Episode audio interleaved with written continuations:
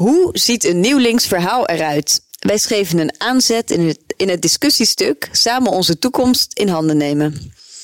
En in dat discussiestuk laten we zien dat groene en sociale politiek elkaar versterken. Om onze ideeën een stap verder te brengen, gaan we in deze serie met verschillende experts in gesprek. Ik ben Tim Jongers, directeur van de WRD Beckman Stichting. En ik ben Noortje Thijssen, directeur van het wetenschappelijk bureau GroenLinks.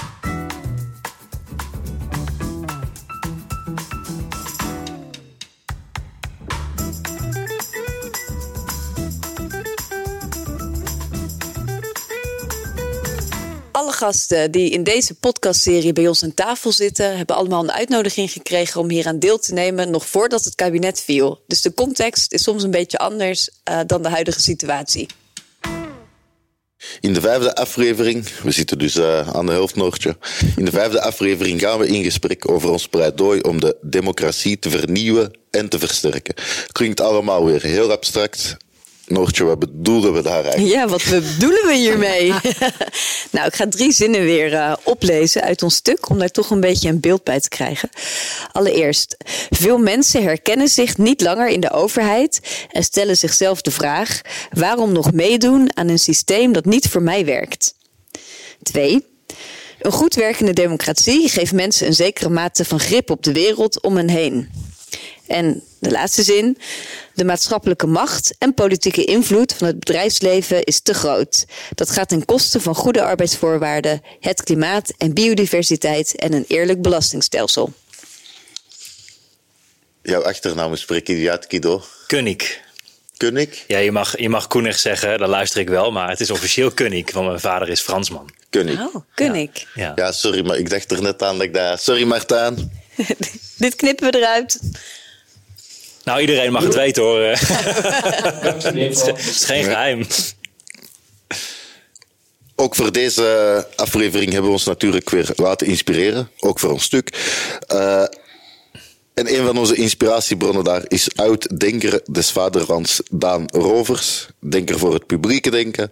Met de mooie slogan niet voor anderen denken, maar samen met anderen denken. En auteur van het mooie pleidooi Wij zijn de politiek.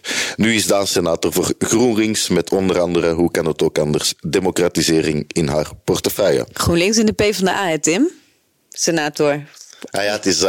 Wij zijn één fractie. Nou, kijk, dank u wel voor de herinnering. Heel belangrijk. Ja. ja, het trekt allemaal al zo logisch of zo van mij, begrijp je? Ja, snap uh, dat terzijde. Uh, ook aan tafel Kido Koenig. Hij is uh, directeur van Foundation Max van der Stoel bij de PvdA. En hij is ook lid van de coalitie Democratie onder Druk. Welkom beiden. Dank je. Dank. Ja, fijn dat jullie er zijn. Ik geloof dat jullie allebei je huiswerk uh, braaf hebben gedaan en dat jullie het discussiestuk hebben gelezen. Nou, het waren tien pagina's, dus uh, het viel ook wel mee. En we zijn gewoon heel erg benieuwd hoe jullie dit hebben ontvangen. Gewoon het stuk in zijn geheel. Wat was jullie eerste indruk of gevoel? Daan? Nou, uh, ik was er heel blij mee. Ik heb het een tijd geleden al gelezen, uh, toen, eigenlijk meteen toen het uitkwam.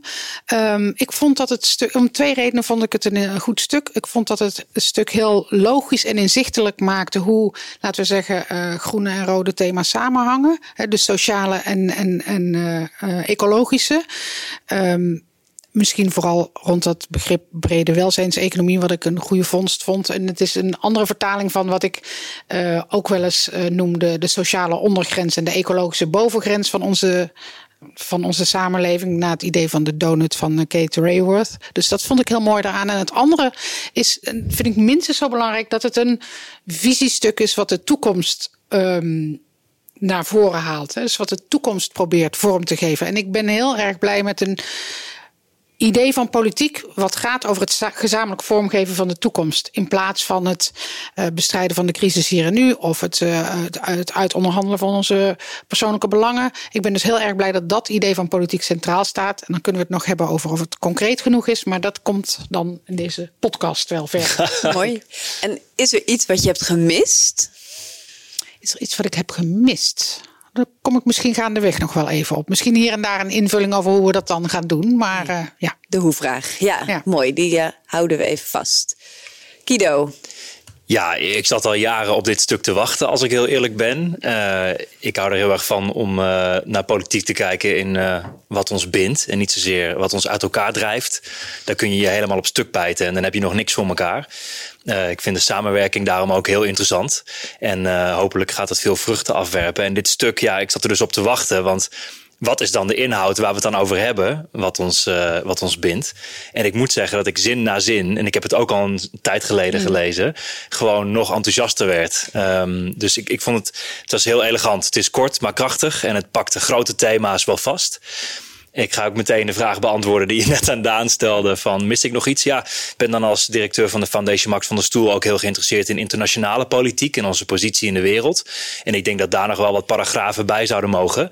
Um, zeker ook als we, want dat denk dat dat wel een deel is van de bedoeling hierachter. Een grotere uh, machtsfactor gaan worden samen. Ja, dan ga je ook de verantwoordelijkheden voor de internationale relaties voelen. En hoe zitten we daar dan in? De, de, de problematiek houdt niet op bij de grens. Uh, en dat staat er in het ecologische stuk wel een beetje in. Maar ja, dat houdt ook mensenrechten en eerlijke handel en zo in. Dus dat, uh, nou, dat is niet voor nu, maar misschien voor een volgend stuk wel een interessante component. Nou, dat lijkt me heel mooie opdracht weer aan ons. we krijgen heel veel opdrachten mee in deze podcast. ja, we worden aan het werk gezet. Ja, het is echt... Ja. Uh, ja. Het is niet zomaar praten, het is ook echt uh, actie ondernemen achteraf. Nou, mag ik daar dan bij zeggen dat dat wel een enorm compliment verdient? Want jullie hebben dit in heel weinig tijd weten te produceren. Dus ik, dat overtrof wel mijn verwachtingen. En dat zeg ik niet omdat het toevallig een podcast is, maar echt, uh, ik was heel blij. Ja, superleuk om te horen. uh, en we hebben het ook met veel plezier samen opgeschreven. Dus uh, ja. het was geen straf. Nee. nee, dat zeer zeker niet. Het was ook uh, heel eervol om te mogen doen trouwens, vond ik zelf. Hmm. en ik denk dat ik dat ook van Noortje kan zeggen. Nou, ook een ander thema dat niet ophoudt aan de grenzen, maar we nu toch voor eerst gaan bespreken binnen de grenzen, is democratie, democratisering. het zou iedereen ondertussen wel opgevallen zijn, maar het gaat niet zo goed met het vertrouwen van burgers in de politiek en in de overheid. En daarbij natuurlijk de vraag van, ja, werken politiek en overheid wel voor burgers? Hoe uh, kijken jullie daar naar, Taal? Ja, dat, dat vertrouwen van burgers in politiek fluctueert natuurlijk altijd een beetje. Maar we zitten nu wel uh, echt wel op een, uh, op een langduriger, wat lager punt. Hè. Sinds de vorige verkiezingen, sinds die lange formatie, sinds dat kabinet wat maar niet van de grond kwam, uh, is uh, de tijdelijke opleving die we in corona hadden echt wel uh, verlaagd. Um, de vraag is of mensen hun belangstelling voor politiek verliezen of hun vertrouwen. Dat, dat zijn natuurlijk andere dingen. En ik denk eigenlijk dat. Um, dat je een onderscheid moet maken tussen verschillende vormen van politiek. Mensen verliezen niet zozeer hun vertrouwen in de democratie, als wel in een bepaalde laag van politiek.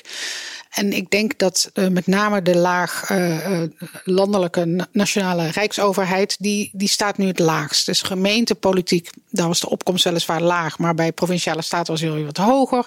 Europese politiek was de opkomst de laatste keer ook weer wat hoger. Dus het lijkt wel alsof in ieder geval de, het niveau van Den Haag een beetje nu het putje is waar uh, het minst vertrouwen naartoe gaat. En uh, dat heeft natuurlijk te maken ook met een aantal ja, schandalen die, die nogal veel aandacht en ook veel vuur trokken. Dus dat moeten we ons wel aantrekken. Maar mooi dat je dat zegt, dat die lokale politiek, het, de opkomst was laag. Als je kijkt naar stad als Den Haag, waar wij nu zitten om deze podcast op te nemen, uh, minderheid is gaan stemmen. Ja, dat is heel erg. Ja. Moesten wij die twintig jaar geleden tegen elkaar gezegd hebben, zou dat een een of ander dystopisch beeld oproepen bij ons? Dat een stad bestuurd wordt op de minderheid van de stemmers en nu raakt iedereen zich daarin te berusten. Hoe kijk je daar naar? Nou, ik weet niet of we daarin berusten, want daar zijn toen toch, dat heeft veel aandacht gehad. En mij valt op dat nu, misschien ook wel doordat de regio op een andere manier heeft teruggeslagen via de opkomst van de burgerbeweging, uh, de provinciale statenopkomst ineens weer een stuk hoger was als daarvoor. Dus ik hoop dat, dat in dat opzicht qua belangstelling en qua betrokkenheid uh, de wal het schip gekeerd heeft. Caroline van der Plas zei de mensen die normaliter niet gingen stemmen, hebben nu een keer nee gezegd. En ze zijn wel gekomen. Maar ze hebben iets anders gestemd. En ik hoop dat dat waar is. Ja. Ja, ik ben met je eens dat onderscheid tussen de opkomstpercentages en het vertrouwen, daar kun je nog wel. Veel opkomst is op zich heel positief voor de democratie. Maar ik heb altijd geleerd dat democratie pas echt werkt als je ook een aantal randvoorwaarden hebt, als uh, vrije meningsvorming, vrije pers, vrijheid van demonstreren, uh, waakhonden die transparantie uh, bekijken. En um, ik denk dat dat en de opkomst de komende tijd best nog wel goed zal zitten. Omdat er heel veel maatschappelijk onrust en heel veel organisaties van nou, stem ze weg. Dat werd door sommigen gezien als een antidemocratisch iets. Maar dat is nou bij uitstek een democratisch iets. Dat hebben wij onze bewegingen ook wel eens uh, geroepen over, over anderen. Maar als je dan maar gaat stemmen. Maar je ziet natuurlijk ook dingen ontstaan die, die dan de democratie uh, uh, ondermijnen. Dus de, de, de digitalisering heeft aan de ene kant kansen gebracht die we nog lang niet voldoende pakken. Maar aan de andere kant ook vertrouwen in informatievoorziening en in wat uh, politici zeggen enorm afgekalfd. soms misschien wel terecht, maar voor een groot deel ook op pure nonsens gebaseerd. dus dus de, de, de, de vrije, eerlijke pers en dat soort dingen, da, daar zit volgens mij wel nog een grote democratic issue, zeg maar. Um, en ik, ik, ik maak me wel op, oprecht zorgen. Werd al genoemd, we zijn als FMS lid van de Democratie onder druk coalitie, die maatschappelijke organisaties uh, verbindt die zich druk maken over de staat van de democratie. En dan gaat het ook vooral over, over de dingen die niet alleen maar opkomstpercentages zijn. En ik herken ook wel een beetje wat jullie zeggen: hè, van als je een doorgeslagen uh, lobbycratie krijgt. Hè, want mm. een grote bedrijven die relatief veel te machtig worden en daardoor een lobby kunnen inzetten die ondermijnend werkt aan de transparantie, aan de, de prioritering die eigenlijk vanuit de burgers zou moeten komen, et cetera. Ja, daar uh, lijkt het me iets voor PvdA GroenLinks om je heel druk over te maken. Maar goed, het staat er dus ook wel terecht in.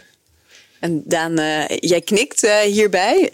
Uh, bij juist dit punt, want we benoemen dit hè, als probleem, ja. de, de, macht hè, van de bedrijven. En dat het ook niet in evenwicht is met de zeggenschap die we als, als burgers eigenlijk hebben. En hier kregen we ook heel vaak de vraag op: ja, maar wat willen jullie dan? Hoe dan?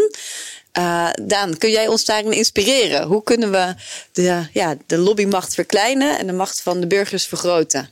Nou, er zijn denk ik eh, twee dingen. Het eerste is uh, hoe zorg je dat democratie zo werkt dat alle burgers een gelijke stem hebben? Dat is heel, makkelijk, heel belangrijk en dat, dat is niet meer helemaal het geval, denk ik. Dus mensen die dichter bij de politiek zitten, hebben net iets, kunnen net iets makkelijker hun, hun hun opvattingen uh, erdoor krijgen dan mensen die wat verder weg staan. Maar in principe is dat echt het allerbelangrijkste van de democratie: dat iedereen evenveel te zeggen heeft. Dat wordt dus ondermijnd door, laten we zeggen, mensen die dicht, verder en, en verder weg van de politiek zijn of dichterbij staan, maar nog sterker door uh, bedrijven die een heel belangrijk deel van de verantwoordelijkheid van, van politieke verantwoordelijkheid krijgen tegenwoordig. Dus neem het landbouwakkoord als voorbeeld. Um, dat, je zou zeggen, er is een publiek belang om iets te hervormen. Een publiek belang, een gezamenlijk belang, een belang wat de individuele belangen of de bedrijfsbelangen overstijgt. Maar dat ligt eigenlijk nauwelijks uh, op tafel. Er wordt een, een groep mensen verzameld die allemaal deelbelangen vertegenwoordigen. En, en door daar lang mee te praten, uh, denkt men dan stijgt het algemeen belang als vanzelf op uit het midden. Maar dat is helemaal niet het geval natuurlijk. Dat is niet vanzelfsprekend zo. Dan gaan mensen zitten onderhandelen en dan kan het ook nog eens zijn dat er niks uitkomt. En ik denk dat het uitbesteden van politieke verantwoordelijkheid aan, naar akkoordentafels met belanghebbenden echt een ondermijning is van een democratisch gelegitimeerde besluitvorming. Dat is één. En twee tweede is dat grote bedrijven zelf niet erg democratisch georganiseerd zijn. Daar heb je natuurlijk uh, beslisstructuren die veel hiërarchischer en uh, effectiever langs lijnen van, uh, van macht gaan.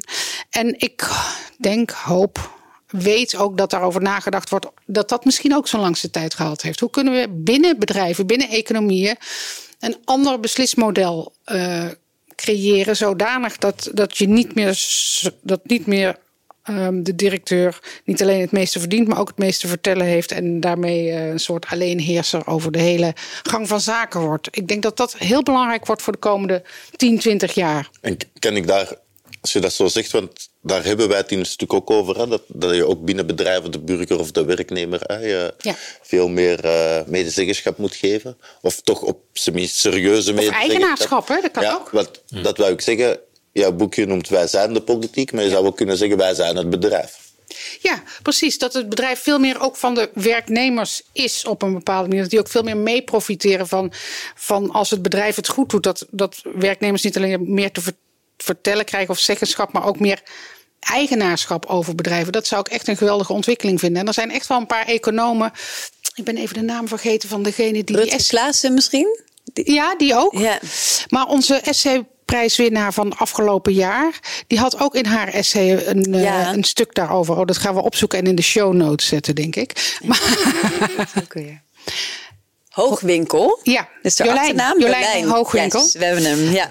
Genoemd in de podcast. Ja, en die had daar een heel goed stuk over geschreven. Waarbij ook dit het springende punt was. Als we de democratisering serieus willen nemen, dan moeten we ook kijken naar hoe bedrijven georganiseerd zijn, intern.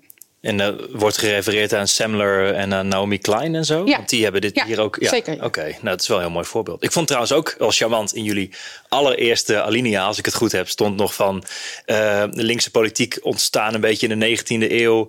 eh, heeft eh, ervoor gezorgd dat er vakbonden, politieke partijen, maatschappelijke organisaties ontstonden. die eigenlijk een beetje de stem vertolkten van mensen die onderdrukt werden door de scheef gegroeide verhoudingen door kapitaal. Ja, dat ligt er helemaal op tafel Ja, eigenlijk. ja, dat is natuurlijk leuk, Wel, ja, dat wel is- charmant eigenlijk dat jullie daar al mee begonnen en dat we er nu ook eh, op terugkomen. Ja, een beetje echo van het eind van de 19e eeuw eh, die we hier eh, beleven misschien, hoop ik. Ik hoop het ook. En wij zitten in de studio bij de PvdA met ook allemaal van die mooie verkiezingsposters eh, om ons heen. Met, nou ja, ook de vertolking hè, van de oude kapitaalstrijd. Eh, dus nou, hij lijkt weer actueel te zijn. Ehm, maar hoe maken we het ook haalbaar? Hoe zorgen we ervoor dat het niet alleen maar leuke ideeën blijft, maar dat bedrijven ook zelf tot inzicht komen van hé, hey, misschien is dit ook wel hè, wat deze tijd ons vraagt en we gaan de macht ook eh, wat meer delen. Of moet de overheid dit gaan opleggen? Of hoe, hoe gaan we dit realiseren? Ja, misschien eh, ehm, wat volgens mij belangrijk is om vast te stellen, waar het gaat over invloed van bedrijven. Kijk, lobby in het algemeen bijvoorbeeld is niet per se slecht. Kan ook informatie voorzien, kan ook helpen. Maar waar het ongecontroleerd is of niet transparant of waar er niet duidelijk genoeg regels zijn over waar je je dan aan moet houden, Zoals in Nederland. Eh, die- Ja, precies. Kijk, daar zie je dus dat het door gaat slaan. Eh, Bijvoorbeeld helemaal in, de- in de VS. Hè? Dus daar heb je al de, veel van die eh, onzin die in de VS gebeurt, die waait hier vervolgens over. En dan eh, komen we erachter dat dat hier ook wel een probleem is. Maar daar heb je natuurlijk ook al heel veel geleerd. Dat dat gewoon helemaal scheef gaat groeien. En dat is nu een halve oligopolie aan het worden. En dat moeten we voorkomen. hè. Dus we moeten veel duidelijke regels stellen aan waar moet de lobby aan voldoen. Eh, ook een roep die in Europa bijvoorbeeld heel erg speelt. Dus dat Ja. is denk ik eh, belangrijk. Dus je moet vaststellen van waar is het nuttig voor en waar niet. En wat moet je dan met z'n allen.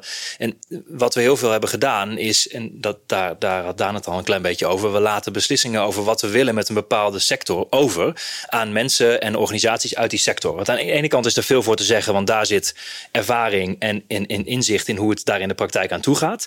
Maar wat heel belangrijk is als je dat doet, is dat je wel democratisch mandaat hebt waar we met z'n allen voor staan wat er ook uit zo'n akkoord moet komen. Welk probleem zijn we aan het oplossen? En als dat niet opgelost wordt door zo'n akkoord of door de organisaties omdat ze te veel eh, in hun eigen belang blijven hangen, dan moet er een overheid zijn met een democratisch mandaat die gewoon zegt: ja, maar dit is gewoon wel voortaan de regel, want anders dan lossen we het probleem niet op. En die stap en de moed die daarvoor nodig is, die heeft veel te veel ontbroken in de laatste jaren. Ja, maar ik vind dat er nog iets aan vooraf gaat. Ik vind ook dat je de vraag eh, kunt stellen: wie zit hier eigenlijk aan tafel?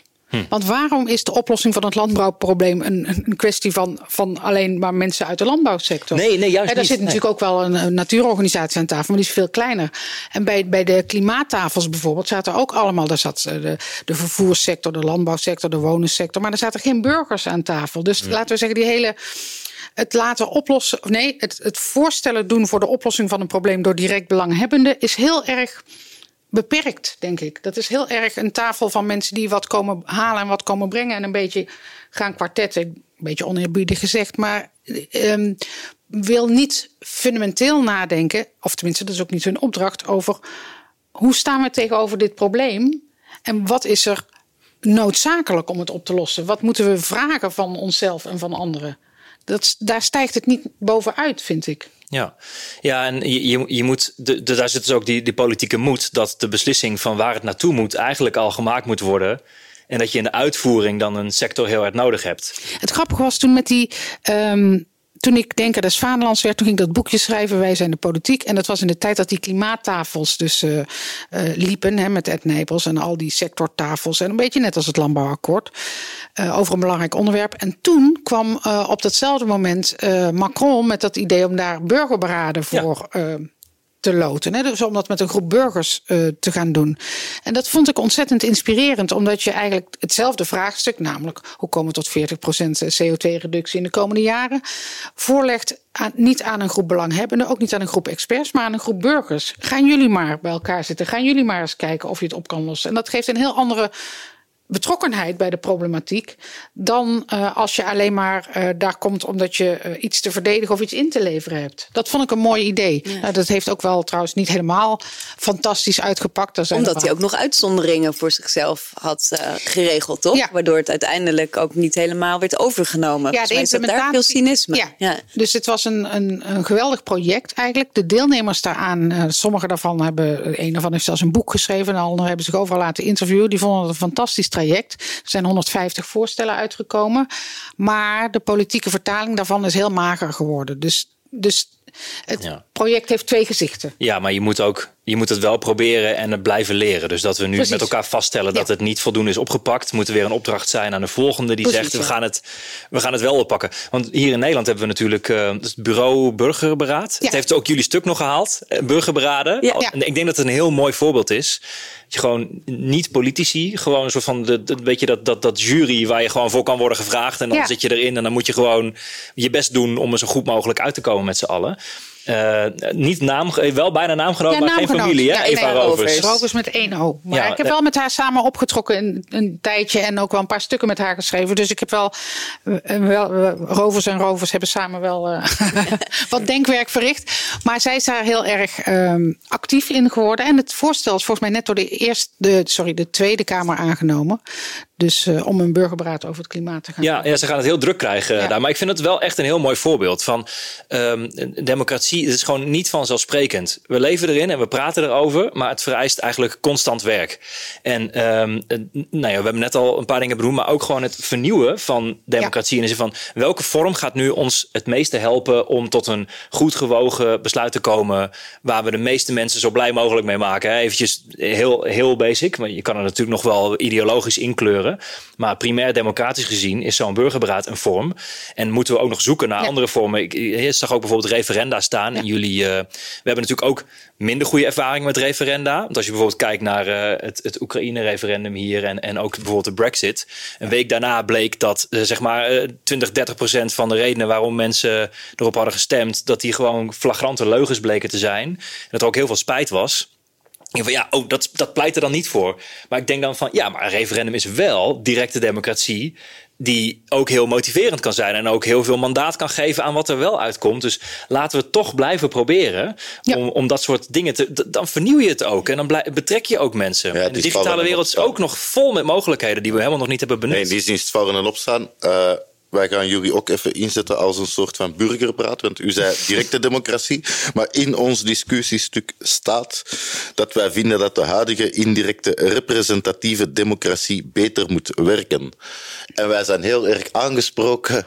In de Volkskrant op het feit dat dit veel te ingewikkeld klinkt. Kunnen jullie ons helpen? Wat zeggen wij als wij zeggen dat de huidige indirecte representatieve democratie beter moet werken?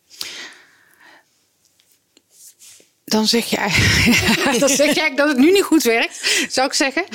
Um, kijk, we hebben uh, onze samenleving heel ingewikkeld gemaakt. In Athene had je een democratie van uh, mensen, directe democratie. Dus dan ging je niet stemmen. Een directe democratie is een democratie zonder verkiezingen. Dat kan, hè? Je kunt een democratie hebben zonder verkiezingen. Dat is misschien even belangrijk.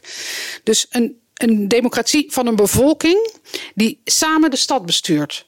Mijn zoon, die uh, 12 was of 13 en een, eind, een proefwerk geschiedenis had. Die moest uh, in zijn uh, brugklasboek geschiedenis uh, de definitie van het woord politiek uit zijn hoofd leren. Dus ik ging hem overhoor. Ik zei, nou, wat is politiek? En toen zei hij, politiek is het actief betrokken zijn van een burger in de samenleving. Dat is alles. Politiek is het actief betrokken zijn van een burger in de samenleving.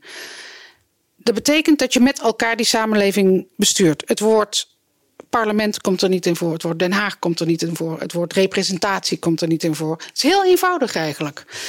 En dat kon in Athene, omdat het een stad was van 300.000 mensen. Waarbij ook niet iedereen als burger gold. Hè. Dus alleen mannen, welgestelde mannen. Dus was een hoop op aan te merken. Maar die 30.000 of 50.000 mensen die overbleven, die vergaderden gewoon samen. En niet iedereen kwam. Dus dan had je een paar honderd mensen en die hand opsteken, stemmen, klaar. Dat is alles. Maar omdat wij nu een democratie organiseren met 18 miljoen mensen, kan dat niet meer zo. En hebben wij vormen gevonden om onszelf te vertegenwoordigen in een heel complex vergadercircuit, zijnde Den Haag, met een Eerste en een Tweede Kamer en een regering en een minister-president. Maar dat zijn allemaal kunstgrepen. In zekere zin zijn ze niet nodig. En ze zijn zo slim, complex en uh, geavanceerd opgetuigd dat we het niet meer begrijpen. Dat is eigenlijk heel logisch. Dus we moeten dat, ja, eh, door de toenemende spankracht en een, een spanwijdte en complexiteit is het systeem zo ingewikkeld geworden. En, en eigenlijk ook al een paar eeuwen oud, dat het tijd wordt om uh, een beetje de, de, de gaten erin uh, te dichten en een paar uh, sluiproutes te verzinnen om, om mensen meer te betrekken. Dat is wel een lang antwoord. Ja, maar... Ik weet niet of de Volkskrant helemaal tevreden gaat zijn. Met... denk het wel. Wel met de geschiedenisles. ik, ik denk dat het, het, het ging over het functioneren van de indirecte uh, representatieve democratie. Ik denk wat, wat, wat, als ik ook een poging mag doen om het, um, dat we moeten zorgen dat onze volksvertegenwoordigers beter de mening van het volk kunnen vertegenwoordigen en verdedigen tegenover de regering. Uh, want zij zitten er in principe op basis van dat het volk, de mensen hebben gekozen voor mensen en programma's waar ze van geloven dat, dat die het land beter zouden maken. Maar het lukt onvoldoende Onder andere omdat Kamerleden hebben te weinig ondersteuning. Er is te weinig transparantie in besluitvorming. Misschien zelfs versnippering, maar dat is nog weer een heel ander verhaal. Maar het lukt ons nu onvoldoende om aan mensen in het algemeen, zeg maar. Sommige mensen voelen zich fantastisch vertegenwoordigd. Ik geloof ook dat Tim, jij hebt daar uh, een mooie uitspraak over gedaan. Dat de 15% meest blije mensen van Nederland. die besturen het hele land. Ook voor de 85% waar dat minder zo is. Dus er is sowieso een, een, een, een, ja, een disconnect tussen de, de, de beelden van het leven van de mensen die aan de knoppen zitten en de mensen die het dan moeten gaan beleven. En dat geldt volgens mij ook voor hoe ze zichzelf dan vertegenwoordigd zien.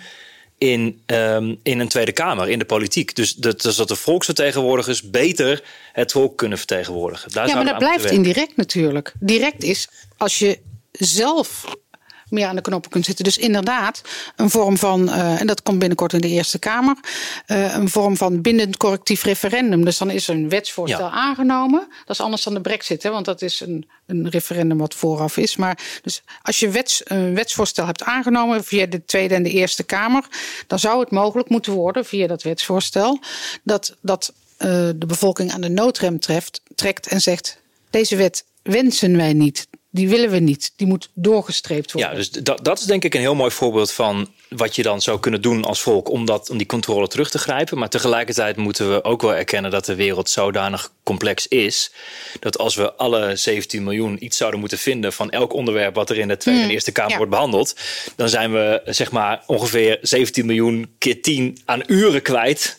Om überhaupt met elkaar te hebben bedacht wat we ervan vinden, waar het over gaat. En wat, dus, nee, dus die representatieve democratie is ook gewoon hartstikke belangrijk. Ja. En als het dan een keer helemaal misgaat, en dan moet je dus vrije media en transparantie voor hebben om ook te laten zien dat er iets aan de hand is en dat er iets mis is gegaan. Dus daarom is dat een heel samenspel. En democratie is niet alleen maar verkiezingen, is dus die hele ja, democratische cultuur. Het ja, hele gesprek, ja. Ja, dus, dus we hebben het nodig en we, ik vind het mooi om een noodrem te hebben. En tegelijkertijd denk ik ook de waakhonden die, die gewoon zien, oké, op basis waarvan is deze beslissing genomen? Hè? Is, dat, is dat te veel bedrijfsbelang of bijvoorbeeld corruptie? Dan moet, je moet erop kunnen vertrouwen dat er iemand daar echt op let.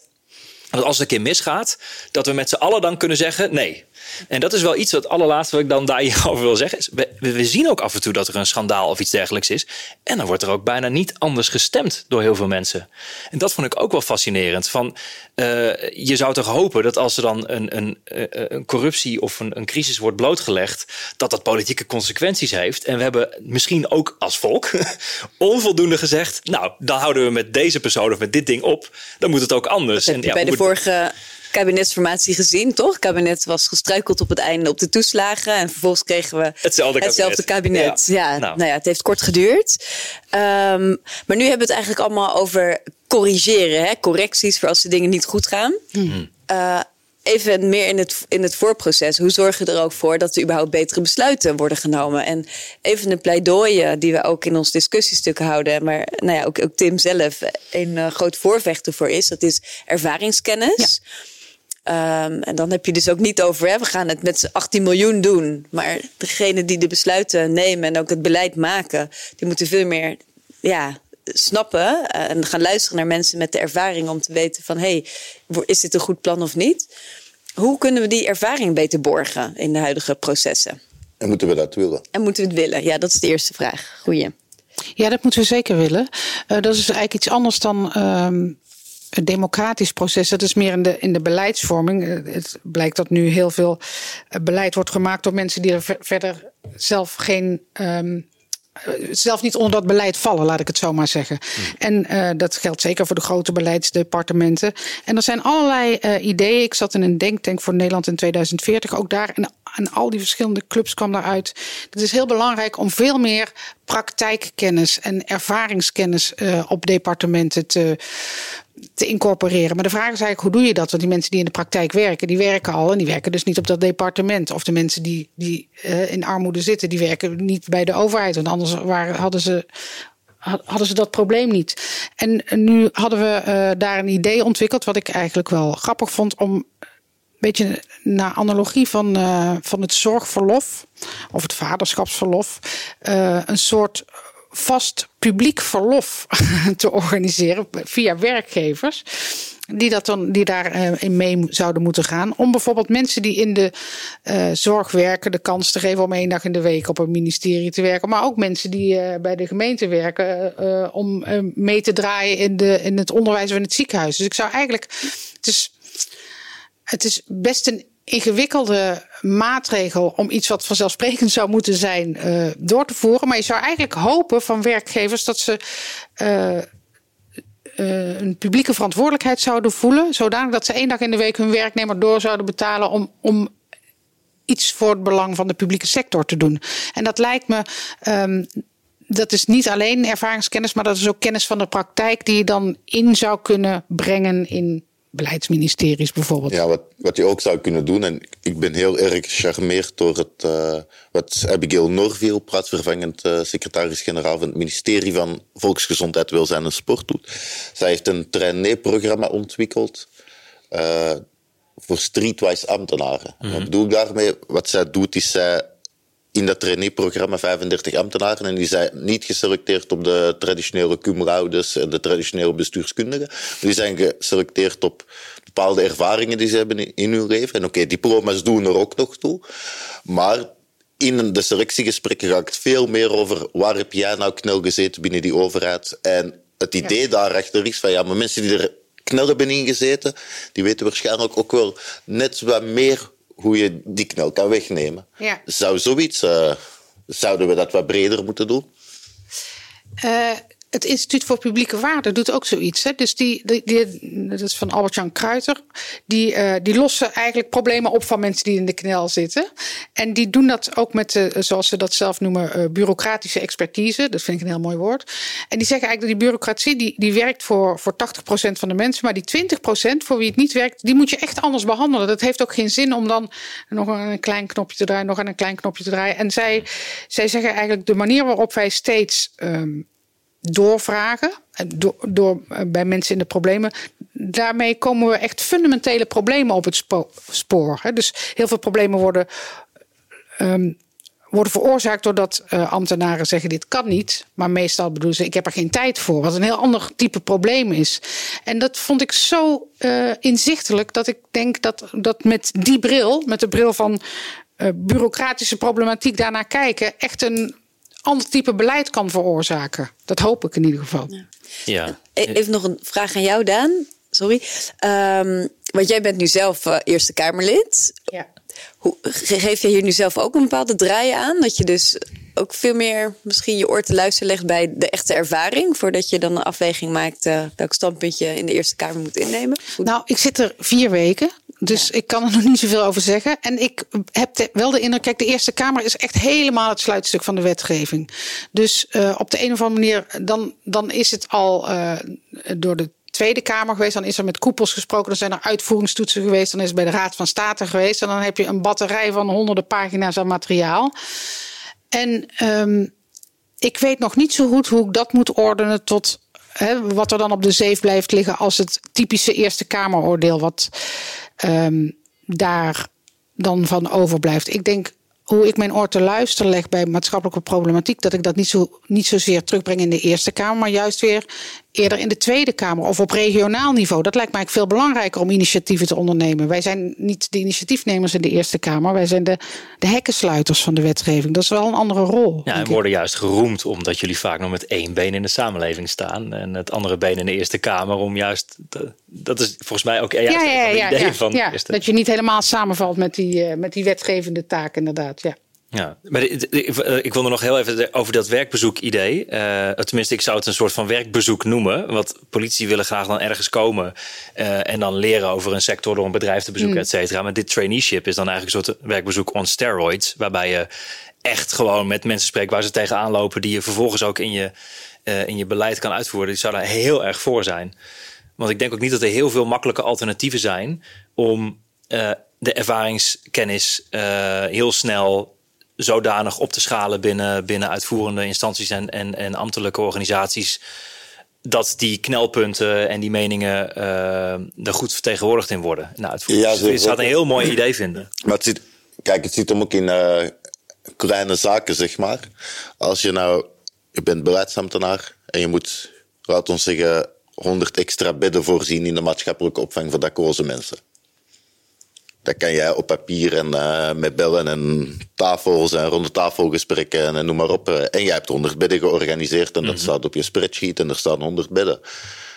Ga je in die opvang, pas dan heb je door dat je 50 stapelbedden in een heel kleine ruimte hebt georganiseerd. Ben je daar dan nog tevreden mee? Ook dat is ervaringskennis. Gewoon gaan kijken hoe jouw beleid nou heeft uitgewerkt. En dat gebeurt heel weinig. Heel veel mensen komen de torens niet uit. Uh, omgekeerd, en dat is een gesprek dat ik van de week met iemand had. Maar er zijn heel veel ambtenaren in Den Haag bijvoorbeeld, die Den Haag niet anders kennen dan die paar honderd meter van het station naar het gemeentehuis. Ja. ja. Nee, maar echt, echt van het station naar het gemeentehuis. Oh, S'avonds de trein terug en naar huis, want ze wonen in Den Haag. Ik zeg niet dat elke ambtenaar die in Den Haag werkt in het hmm. gemeentehuis, dat die in Den Haag moet wonen. Maar ja, wat krijg je dan mee van je eigen werk? Ja, dat is natuurlijk wel een typische taak voor de Eerste Kamer. Die gaat over de uitvoering. Dus, hoe, dus, dus we snappen het probleem. Het ziet er goed uit op papier. En hoe werkt het nou uit? Dat is, uh, dat is wel iets waar speciaal en ook de laatste jaren extra veel aandacht voor is. Omdat de kwaliteit van de wetgeving zit hem natuurlijk in die uitvoering. Zit hem in die toets op wat doet het in de praktijk? En daar, daar, ik heb wel de indruk dat daar sterk op gelet wordt. Maar ja, de vraag is of je dat helemaal goed kan doen uh, in één dag in de week in, uh, met 75 mensen voor een heel land. Ja. Een ander onderwerp wat er wel aanraakt, um, dat gaat eigenlijk ook over de overheid die zichzelf ook steeds meer instrumenten uit handen heeft gegeven en wordt steeds meer, nou ja, publieke diensten worden geprivatiseerd, ja. kennis wordt geoutsourced. Maar wat we ook zien is dat uitvoeringsorganisaties um, ja, die kunnen ook gewoon hun eigen ding doen. Zonder dat er nog echt grip en controle op is. Er is geen transparantie. Um, hoe zorg je ervoor nou ja, dat de overheid ook meer bij machten wordt om de grip terug te krijgen? En dat ook de uitvoeringsorganisaties uh, ja, ook echt veel meer um, nou ja, transparanter gaan werken en ook veel meer publieke verantwoording gaan afleggen. Hebben jullie daar ideeën bij? Nou, ik denk dat het eerst is het onderkennen van dit probleem. Want ik denk ook, waar we het in het begin over hadden, dat uh, vertrouwen in de overheid wat afbrokkelt, dat heeft hiermee te maken. Want de overheid uh, heeft een beetje een eigen onmacht gecreëerd. Hè. Dus de minister van Volksgezondheid gaat niet meer over de ziekenhuizen. De minister van Onderwijs heeft geen fluit te vertellen over de scholen. En de minister van Woningbouw, die is er nu weer. Maar die heeft niet, nog, niet zo heel veel te zeggen over de woningbouwcorporaties. Die kan er afspraken mee maken, maar dat is wat anders dan dat je, uh, dan dat je daar echt echt zeggenschap over hebt. En we moeten een nieuwe manier verzinnen, eh, een nieuwe publieke sturingsfilosofie verzinnen, om daar weer echt publieke invloed terug te claimen. En ik heb wel de indruk dat dit het moment is. Hè, dus dat er over nagedacht wordt. En dat, nou ja, in de, in de coronacrisis bijvoorbeeld ontstond er heel even een soort van collectieve samenwerking tussen alle ziekenhuizen, omdat iets een crisis heet, dat, nou ja, dat organisaties gaan samenwerken en dat de minister ook mee mag praten. Maar zodra de crisis is opgeheven, is die, die samenwerking ook weer weg. Dus we moeten denk ik leren van dit soort crisissen, en we hebben er nogal wat, dat, dat het niet langer gaat als we al die publieke um, verantwoordelijkheden uitbesteden aan zelfstandige uitvoeringsorganisaties. En, hoe doen we dat? Want nu heb je echt heel. Ik heb heel sterk het idee, het is, het is een landschap van. Uh, iedereen is verantwoordelijk, dus niemand gaat erover. Ja. Dat is zo voor mij de samenvatting. Hoe breng je dat terug? Ja, en kan dat? Er wordt net gezegd een nieuw instrument. Wat ik denk een van de fundamenten is. Mensen, de, de vertrouwen brokkelt af, omdat je ook vaak ziet dat de boel geflest wordt. En dan is er blijkbaar gewoon onvoldoende inspectie om daar op tijd achter te komen. Vanuit de overheid om het gewoon om in te grijpen. Want voor heel veel dingen zijn wel regels. Um, maar er wordt vervolgens door een, een, team van 18 mensen voor een heel land gecontroleerd op uh, zeg, uh, illegale inzet van, uh, van, van, van, mensen in kassen bijvoorbeeld. Hè? Die, die, die gewoon onmenselijk veel moeten werken. En vervolgens iedereen is boos op, op Polen en Roemenen die, die door, een, door een malafide uitzendbureau in een huis zijn gestopt. Die, die niks te doen hebben. Die worden uitgebuit. Die moeten soms een paspoort inleveren bij wijze van spreken. En die kunnen geen kant op. Die zitten met z'n 18 in een huis. Ja, natuurlijk gaan ze overlast creëren. Je niks te doen. Je gaat drinken, je hebt slechte omstandigheden, je moet de hele dag werken, je bent bang, je mag niet uitspreken. En we worden boos op die Polen. Laten we boos worden op A, de uitzendbureaus die dat dan doen. B, zelfs in zekere zin nog de bedrijven die soms onwetend, maar soms wel wetend gewoon die mensen inhuren. En dan uh, C, op de overheid, dat er niet genoeg inspectie is en dat er gewoon niet wordt ingegrepen. Dus we hebben best wel middelen, en dat is maar een voorbeeld van, mm, van dit. Maar er zijn nog veel meer gebieden waarop best wel wetgeving is, waar, waar mensen het over eens zijn. Die als je die leest denkt, nou heel redelijk, maar waar dan in de praktijk mijlenver verschil zit in, in, uh, in hoe, hoe die nageleefd wordt. Dus ja, ook echt investeren in dat je als overheid de controle in handen neemt op het uh, daadwerkelijk uitvoeren van die wetten. En ik snap dat je in de uitvoering, uh, ik vond het heel mooie zin die jullie schreven, daar waar macht zich concentreert, moet ook verantwoording worden afgelegd. Daar ben ik echt even op gaan kouwen. En toen dacht ik al vrij snel aan inspectie, want dat heeft ook met verantwoording te maken. Want een uitvoeringsorganisatie moet natuurlijk ook wel echt de, de, de mensen leren kennen vanuit vertrouwen met stakeholders. Ik snap ook wel dat je als overheid niet alles zelf in je eigen hand houdt. Dat is ook helemaal niet efficiënt en dat is ook niet per se altijd beter.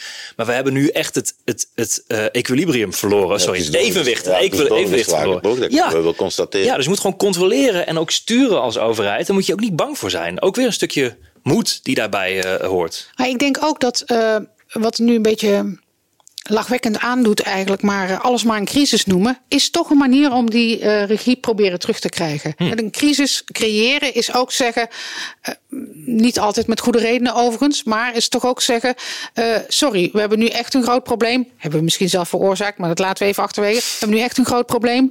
En nu gaan we even de mouwen opstropen en allemaal daadkrachtig de zaak aanpakken ik denk dat dat soms ten onrechte gebeurt, hè, omdat er uh, bepaalde problematiek echt langdurig verwaarloosd is en in die zin uh, een zekere verantwoordelijkheid van de overheid zelf is.